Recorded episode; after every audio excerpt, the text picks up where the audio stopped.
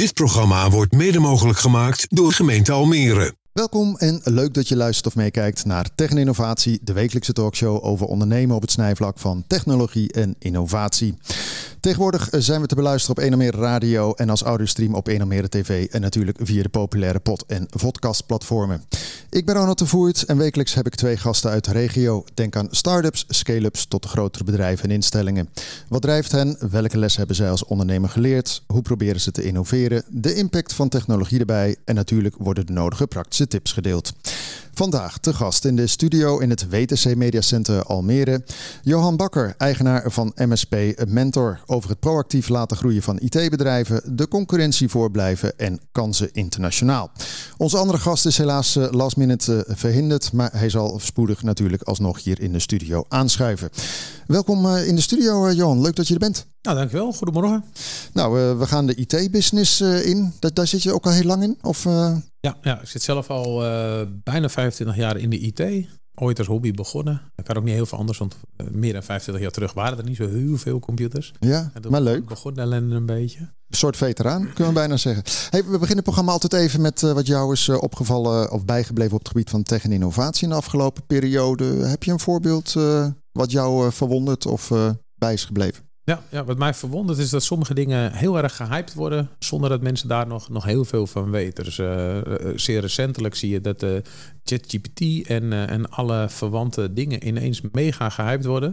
Terwijl de technologie er eigenlijk al een aantal jaar is. Maar ineens, ja, weet ik veel, heeft iemand het ergens publiekelijk neergezet. En dan worden er mega hype en dan zie je dat mensen het overal voor gebruiken zonder nog echt te weten wat het nou precies doet, wat erachter zit, welke kennis er wel en niet in zit. En, uh... Maar wat is het dan? Hè, want ik, ik, ik had ook zoiets van dat JetGPT.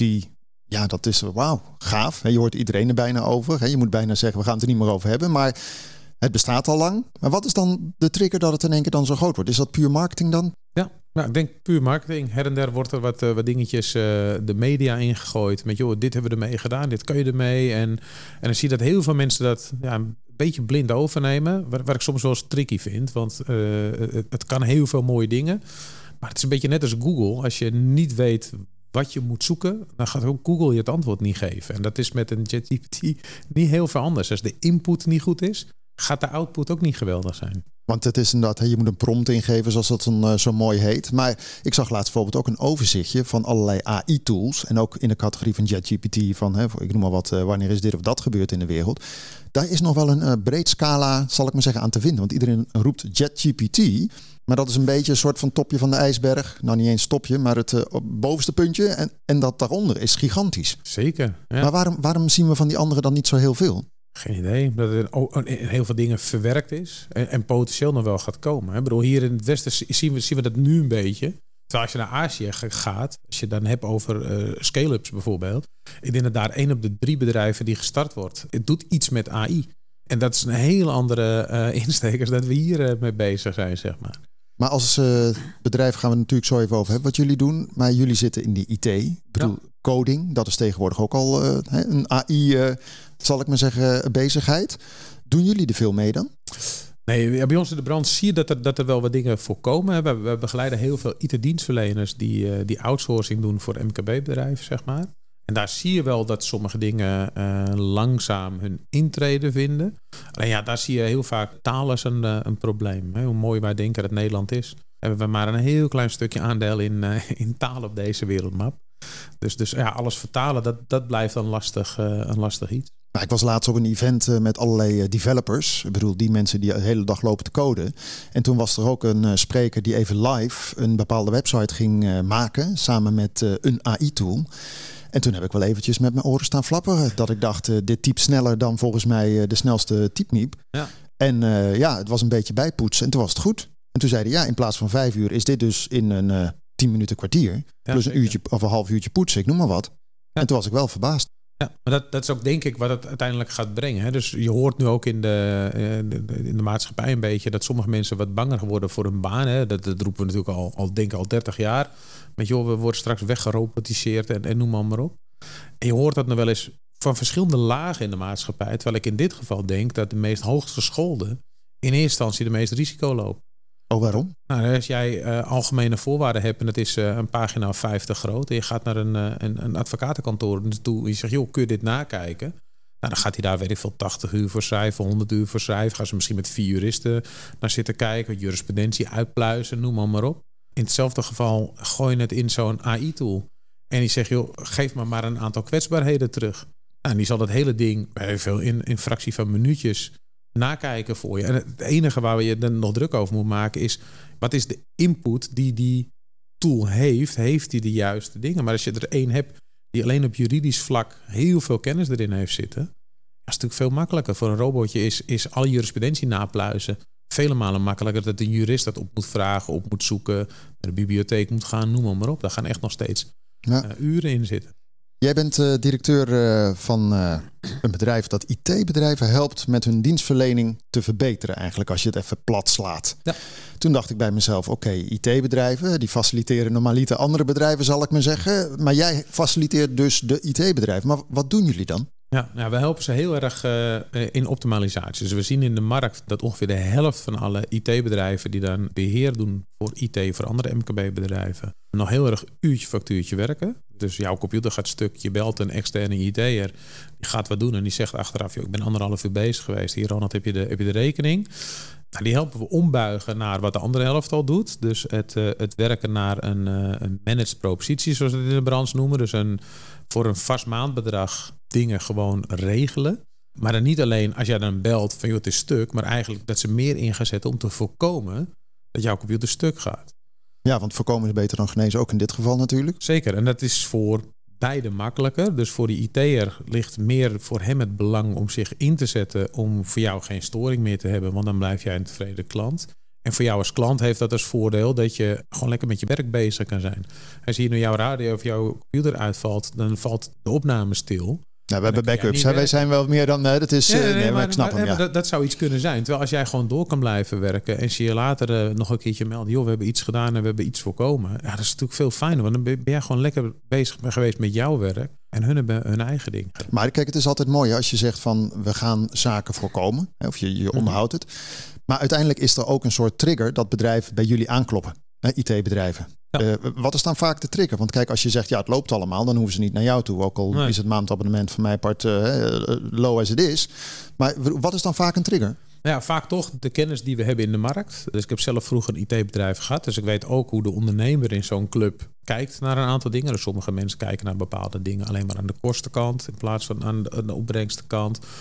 Of kijken heel erg naar, ja, maar we wonen hier in een dorp. We kennen elkaar allemaal. Het werkt lastiger. Weet je, wel, je, hebt, je hebt allerlei dingen om bepaalde dingen niet te doen.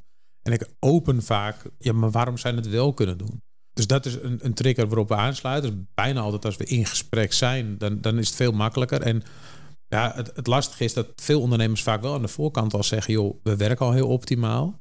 En dat is natuurlijk wat iedereen wel eens roept. Terwijl als we meekijken even binnen, ja, dan peuteren we overal wel een, een aantal dingen terug die gewoon niet efficiënt lopen. Dus zelfs bedrijven die al volledig managed doen, die helpen we ook bij het dooroptimaliseren in, in werkprocessen, in procedures. En hoe kun je blijven nadenken om dingen slimmer te blijven. Maar goed, dan moet je dus eerst al bij wijze van spreken, als ik een IT-bedrijf heb, in gesprek zijn. Maar is het ook bijvoorbeeld, ik noem maar wat, dat een IT-bedrijf denkt, goh, uh, onze, onze sales funnel loopt niet lekker of onze service desk loopt er. Zijn dat logische triggers waardoor het is van, hé, hey, nu uh, moet ik eens even Johan bellen? Ja, zouden zeker logische triggers zijn. Oké, omdat het echt, want is, ik zeg altijd, het is één grote spaghetti natuurlijk, eh, wat aan elkaar geknoopt is. Ja, ja, ja waar we vaak ook naar kijken, is ook naar, naar wat gebruikt dat soort bedrijven zelf aan tooling. Dus wat zetten ze zelf in om uh, service desk te bedienen, of om salesapparaten te bedienen, of om facturatie te doen, noem maar, op. Want we kijken echt in brede scala mee. Dus we kijken niet alleen mee in hoe voorkom je een probleem op een computer, of hoe help je die klant als hij dan toch belt.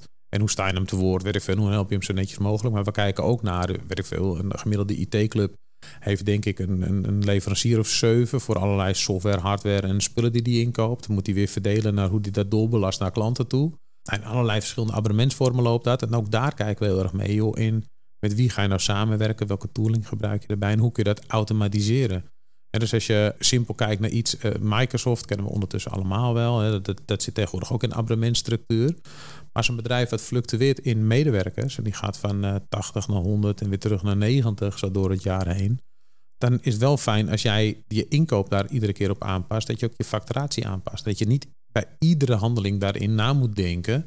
Van oh, nu moet ik weer wat doen. Want vooral de grotere MKB-bedrijven, ja, daar fluctueert personeel. En zeker vandaag de dag is dat schering en inslag. Maar dan moet je niet bij iedere handeling moeten nadenken. Oké, nu heb ik weer een half uur administratief werk eraan. Dat is gewoon niet handig. Want als je even kijkt, ook in de coronatijd, iedereen ging videobellen, noem maar op. Volgens mij eh, was dat een gigantische boost voor hè, de IT-bedrijven, want die moesten overal bijschalen, opschalen. Ja. Nou ja, wat je zegt, nu vandaag de dag is er geen personeel te krijgen, is er nog steeds veel werk waarschijnlijk.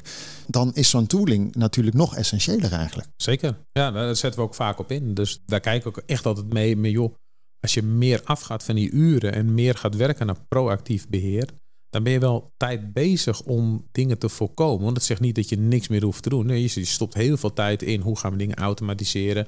Zien we een trend? Komt iets vaak voor? Wat kunnen we doen om dat te voorkomen? Maar, maar je bent anders bezig. En je kan, als je het heel sec bekijkt, kun je uiteindelijk gewoon met dezelfde techneuten vele malen meer computers en servers bedienen. Omdat je gewoon een andere insteek uh, hanteert, zeg maar. En anders bezig bent met computers. Het iedere keer brandjes blussen, zeg maar. Dat, dat is iedere keer en een piek in werkbelasting.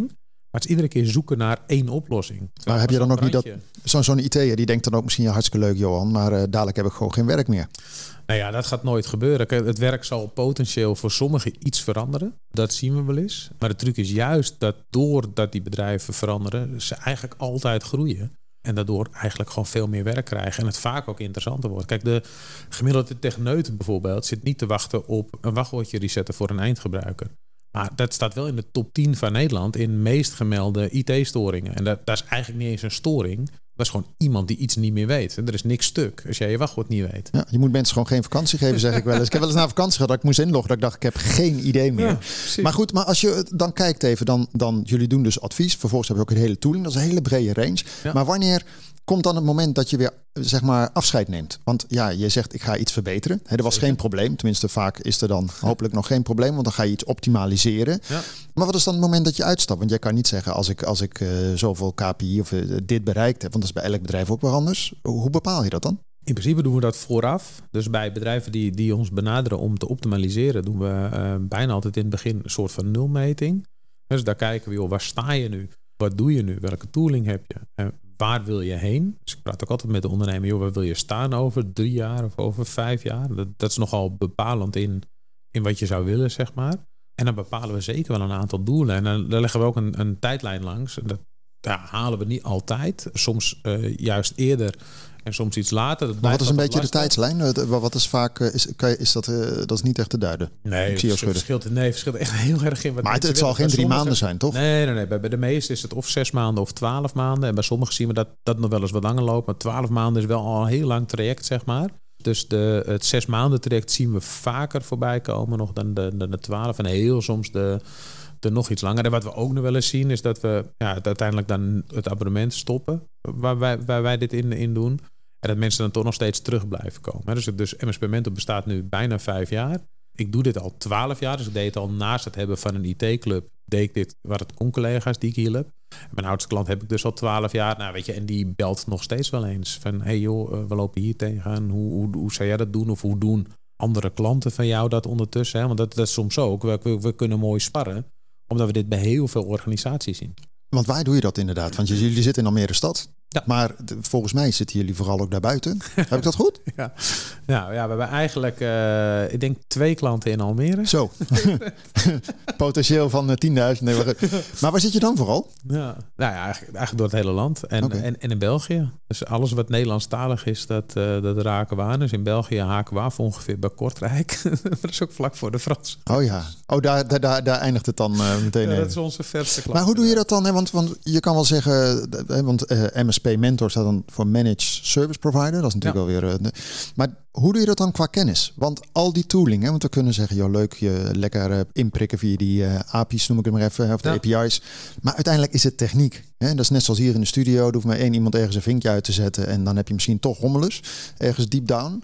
Hoe kom jij dan aan al die kennis? Want hoeveel mensen heb je werken? We zijn nu met z'n vier. Vier? ja. En, hoe doe je dat dan? Ehm, nou, een aantal tooling die gebruikt wordt in de IT, uh, daar ben ik zelf al rijkelijk lang uh, bekend mee. Dus in Nederland zien we dat een aantal tools super populair zijn. En we, we praten in onze branche over een uh, PSA-oplossing, dus Professional Service Automation, voor waar, waar, waar, je bijna alles in kan doen. Dus dan kun je vaak van sales tot facturatie in doen, maar ook je service desk, je projectmanagement en noem maar, maar op.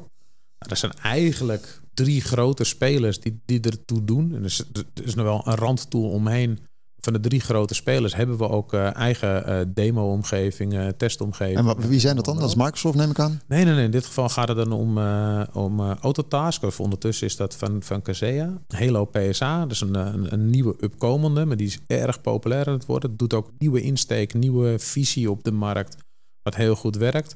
En ConnectWise. En, en ConnectWise en, en Kaseya zijn global de twee grootste. Nog nooit van gehoord. Nee, ja, ik ben ja, nog geen idee. Is echt in maar dat, is echt, maar dat zijn de drie grote smaken. Voor de mensen die luisteren of kijken, ja. dat is... Uh... Ja, dat zijn de drie grote smaken. Er is nog wel een heel landschap omheen waar, waar we ook wel tooling van kennen. Alleen die zijn niet altijd alleen gemaakt voor de IT-dienstverlener. Dus, dus Topdesk is bijvoorbeeld een heel populair ticketing systeem. Dat, dat kent bijna iedereen in Nederland wel. Dat heeft zijn oorsprong in facilitair. Uh, wat vandaan komt voor grote organisatie intern. Dat kan ook heel goed ingezet worden voor service desk voor IT-partijen. Alleen zie je dat die andere tooling, die bieden na Service Desk nog veel meer. Dus dan is Service Desk maar een onderdeeltje ervan. Ja, is het nou ook zo? Hè? Want je legt je focus op IT-bedrijven. Logisch waarom, want dat heb je hè, dat net uiteengezet. Maar dan denk ik, ja, er zijn zoveel bedrijven die een interne IT-afdeling hebben. Zeker. Ik noem maar even een, een grote toko hier in de regio. Ja. Doe je die ook? Alleen als het via een klant voorbij komt. Dus als we onszelf benaderen, eigenlijk zelden. Uh, Wat is dan het grote verschil? Want stel je voor, ik heb een bedrijf met 500 man en ik heb een interne IT-afdeling. Dan is dat toch bijna ook al proportioneel. Nee, nee, het is echt anders. Oké. Okay. Een interne IT-afdeling voor 500 man is, is eigenlijk, als ik dat vergelijk met een IT-dienstverlener, is dat een IT-dienstverlener die maar met twee of drie man is. Want als je het goed optimaliseert, dan, uh, dan heb je een, een twee man om 500 werkplekken te bedienen. Als je het geoptimaliseerd hebt, meer dan zat. En dus als je er meer hebt, moeten ze jou bellen. Want ik hoor het al, dan kan je besparen. Nou ja, dat is het. Dus we doen soms wel. Dus we hebben in het verleden wel eens een scholengroep in Rotterdam geholpen. Die uh, 80 scholen zelf in beheer had. En die uh, dat een kleine 8000 machines uh, in beheer. En dus daar hebben we het wel gedaan. En, maar dan is de hulp in de inrichting vele malen makkelijker. Want kijk, met MKB is iedere klant anders. En iedere klant heeft zo zijn eigen prioriteiten. Dus je moet veel breder nadenken. Als jij met vier man bent, uh, maar je doet heel veel aanbestedingen en je, en je leeft van dingen uitprinten omdat er dikke dossiers moeten liggen ergens. Oh ja. En jouw printer doet het niet. Ja, dan kan dat voor jou een hele hoge prioriteit hebben. Terwijl als je hier in het pand kijkt en bij leaseplan doet een printer het niet, dan zegt de IT'er, ah oh ja, maar dat geeft niks joh. Twee gangen verderop staat er nog één. Fijne wedstrijd, volgende week kijken we even. Hè. Dat is een hele andere, andere instelling. Dat is echt het verschil tussen, tussen een IT-partij en een interne IT. Is dat er vaak ja, hele andere dingen en belangen liggen. Als je dan uh, kijkt naar groei voor jullie, hè, want je zegt al, we pakken Nederlandstalig. Waar zit dan voor jullie de grootste groei dan nog in? Je hebt ook een aantal hoeveelheid mensen, dus daar zit ook een max uiteindelijk ook aan. Ja. Hoe zie je dat dan bijvoorbeeld richting volgend jaar? Nou, richting volgend jaar blijven we gewoon nog even lekker doen wat we doen. We gaan wel wat meer inzetten op, uh, op verkoop. Dus we, we, we, leveren ook een aantal tools ondertussen uh, voor de IT-dienstverlener. En dat kan zijn iets wat ze doorverkopen. Een soort reseller. Ja, soort reseller. Dus we leveren bijvoorbeeld de IZ antivirus en uh, weet ik veel wat tools om Microsoft omgevingen uh, gestandardiseerd te beheren. Oké, maar dat is een extra verdienmodelletje. Dus je gaat Zeker. meer verkopen aan de, aan de bestaande klanten. Ja, daar, daar gaan we op uh, wat, iets wat meer op focussen. Dat doen we nu heel relationeel en daar gaan we straks iets meer op inzetten. Groei naar het buitenland, dat wordt her en der wel eens gevraagd. Dus, um, dus dat zou nog wel, maar het heeft nog niet direct de focus. Wat weerhoudt je? Ja, ik weet niet helemaal niet wat, wat we weer Nou ja, mooi. Ik dus... denk eigenlijk dat hier nog, nog voldoende te ja, doen is. Ja, dus dat, dat is het ook. Kijk, als okay. je kijkt naar, naar onze markt, we zijn heel gefocust. Maar er zijn toch een kleine 7.500 IT-partijen ondertussen uh, KVK geregistreerd. Ik denk dat je daar nog wel wat vanaf kan, uh, kan pellen die, uh, die de inschrijving wat ruim genomen hebben. Maar ja, weet je, dat, daar hebben we er nu ja, weet ik veel, een paar procent van aangeraakt. Um, ja, maar goed, uiteindelijk zeg je net, uh, we hebben maar een paar uh, klanten hier in Almere. Terwijl uh, daar ook gewoon aantoonbaar meer aan van zijn dan die twee. Als we de Gouden Gids openslaan, zou ik maar zeggen. Zeker. waarom zit je niet hier dan? Ben je zoveel weg dat ze je hier aan het vergeten zijn? Of, nee. Je moet marketing doen hier. Kan je gewoon dicht bij huis? Kan je ook heel veel doen? Ja, misschien Maar goed. wel.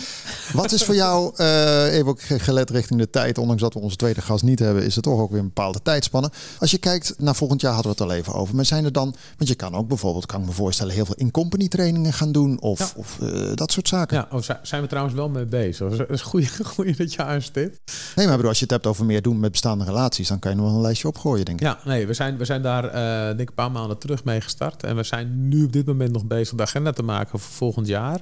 Om daar en een aantal andere bij te doen en een aantal in, in herhaling te doen. Dus dan gaat het om communicatie met, eh met techneuten. Een echte IT'er is toch een eh, net even ander slag, eh, slag mens. Zit vaak iets anders in de wedstrijd. Communiceert heel technisch. Kan ik zelf ook nog wel eens eh valkuil voor hebben. En dat snappen eindklanten niet. Dus daar hebben we- we trainingen voor. We hebben trainingen. Hoe maak je je propositie anders? Hoe ga je je processen verbeteren? Dus daar, daar zijn we zeker op in aan het zetten. En die kunnen in company. Maar wat we ook vooral doen is... Want we merken ook dat er wel wat kleinere IT-partijen zijn... die niet altijd budget hebben voor een één op één of in company. Of ook, al hebben ze het budget wel, ook niet de, tijd. Hè? Want met een in company moet je ook maar mensen vrijmaken. Ja, als je maar met z'n vijven bent. En dan moeten er drie op training. Dat is meer dan de helft van de organisatie weg. Hè? Dat is altijd lastig. Dus ook die workshops willen we bij ons op eigen locatie doen. En dan vooral met ja, wat verschillende bedrijven samen, zeg maar. Maar heb jij veel concurrenten?